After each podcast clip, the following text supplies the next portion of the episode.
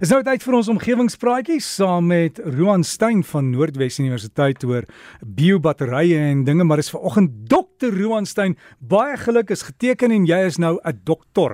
Hallo Roan.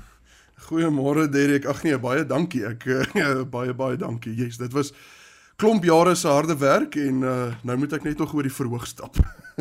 Sê gou vir my waar, waaroor het dit waaroor het dit gehandel? Wat was jou onderwerp? Uh my teses het gegaan oor uh, die son. Ek is 'n uh, ek is 'n ruimtefisikus op die mm -hmm. Noordwes Universiteit en uh, dit gaan maar oor die die klein sondeeltjies wat uh, wat wat van die son afkomstig is en hoe dit dan die aarde beïnvloed, die aarde se magneetveld beïnvloed, iets wat ons ruimteweer noem.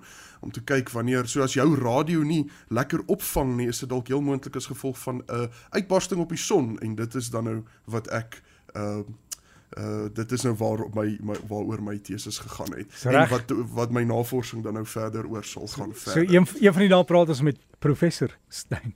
Roan ouers. batterye, batterye.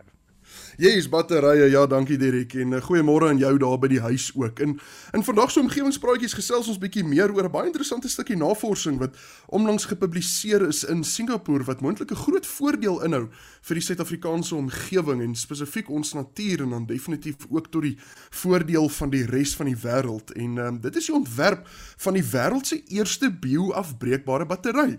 Nou in die artikel het die navorsers die uh, nuwe bio-afbreekbare battery aan die wêreld voorgestel en dit lyk definitief na iets waarna ons moet kyk. Nou, voor ons in die eienskappe van die nuwe batterye ingaan, kom ons kyk net gou watter probleme kom saam met batterye in ons omgewing. So, oor die algemeen wanneer ons na batterye verwys, word dan nou eintlik meestal verwys na sogenaamde huishoudelike batterye. Dit is nou daai batterye wat jy gebruik om jou draadloos krag te gee, die uh, batterye binne in 'n afstandbeheerder van die TV en rookalarms ensovoorts. Nou daar is natuurlik heelwat verskillende vorms waarin batterye kom, um, van die klein ronde batterytjies in jou horlosie en die sommige hekmotor afstandbeheerders en dan in die gewone AAA's en AA's wat ons kry en dan laastens ook daai lekker vet 9 volt batterye wat in elke laboratorium beskikbaar is. Nou eh, die probleem is dat die uh, meeste van hierdie batterye is nie herlaaibaar nie. Mense kry natuurlik nie hoe herlaaibaar is, maar nietemin elke liewe battery het nou maar 'n leeftyd en dan word hulle pap. En die vraag is, wat doen mens met daardie batterye wanneer hulle nou pap is? En die antwoord is eintlik nie so eenvoudig nie. Um, ek is altyd geleer en seker jy daar by die huis ook dat 'n mens kan nie batterye net so in die asblik gooi nie vir verskeie redes.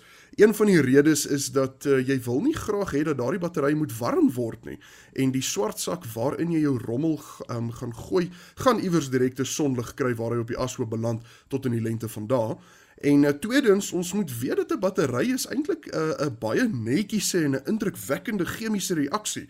En uh, jy wil nie hê 'n battery moet stikkend gaan as 'n as 'n lorry dalk oor hom ry of iets en skade maak aan die omgewing nie.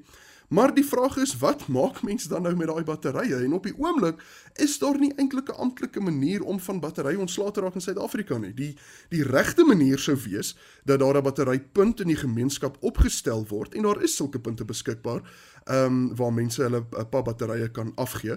Maar meeste munisipaliteite in Suid-Afrika het nie so 'n punt nie. En ehm um, wat 'n mens wel dalk ook kan uitvind is om dalk na jou naaste motorbatteryhandelaar te, te gaan en uh, dalk uh, jou ou batterye uh, daar te gaan aflaai en hopelik het hulle dan die regte infrastruktuur om die batterye weer lewe te gee of op die regte manier dan van ons laat raak.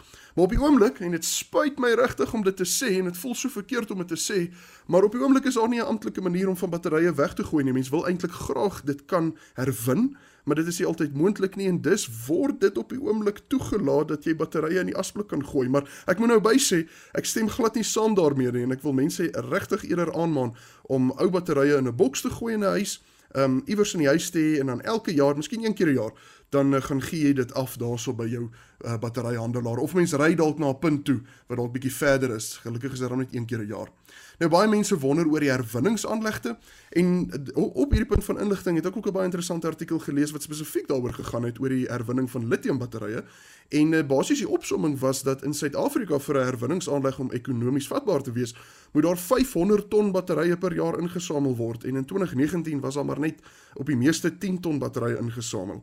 En die ander aspek is ook dat 'n mens sal graag wil um, hê dat die herwinningsaanleg reg langs die batteryfabriek opgerig moet word, want dan word daar ook dan nou baie gespaar jaar deur uh, die ou batterye weer vir die nuwe batterye te gebruik. So wat is die oplossing? Wel, dit bring ons nou weer terug na die nuwe tegnologie van bio-afbreekbare batterye. So dit is hoe dit werk.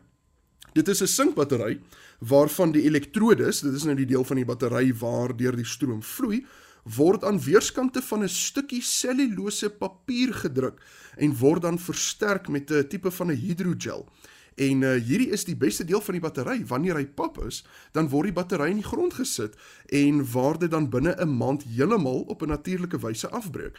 En in die bewys van die konsep het die wetenskaplikes 'n uh, 'n vierkantige 4 by 4 cm sink hidrogel battery gedruk en hierdie battery het 'n elektriese waier vir 45 minute aan die gang gehou.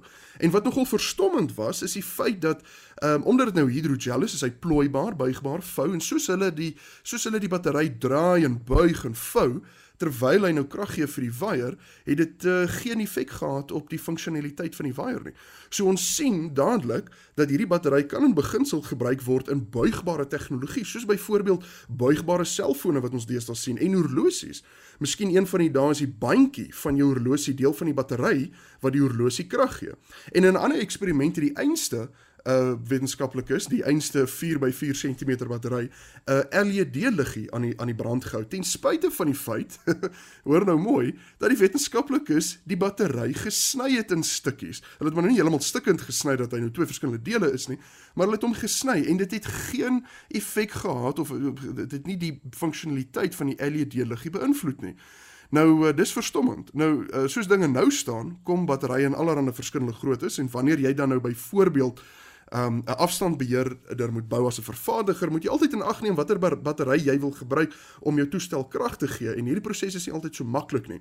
Nou met hierdie nuwe tegnologie in gedagte kan vervaardigers baie makliker, eenvoudiger en heelwat goedkoper ook sink hidrogel batterye kies vir hulle toestel. Dit, dit dis amper soos 'n groot battery wat uit die oond uitkom en dan sny jy vir jou so 'n stukkie battery af en jy besit hom in die toestel wat jy besig is om te bou volgens die mates. En 'n mens kan net dink dat die die potensiaal van hierdie tegnologie is is enorm. En natuurlik die kersie op die koek is dat wanneer die battery pap word, soos batterye nou maar doen, um, kan dit net in die grond gegooi word. So ten slotte Derek, ek dink batterye bly maar 'n ewel vir die omgewing. So as jy batterye het op hierdie stadium, probeer asseblief om dit te herwin eerder as om dit weg te gooi. En ehm um, en uh, daar is wanneer mense nou kyk na hierdie bioafbreekbare batterye, dan sien ons dat ons dit gaan al hoe meer in die toekoms begin sien en dit is baie beter vir die natuur en die omgewing. En dan een van die dae plant jy dalk ou batterye saam met jou nuwe rose daar saam met JJ.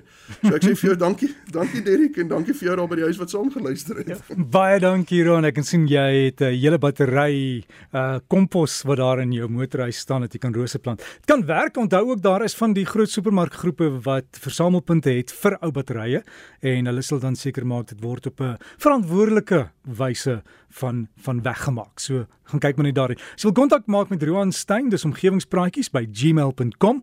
Anders loer op die Breakfast Facebookblad. Al die inligting is daar.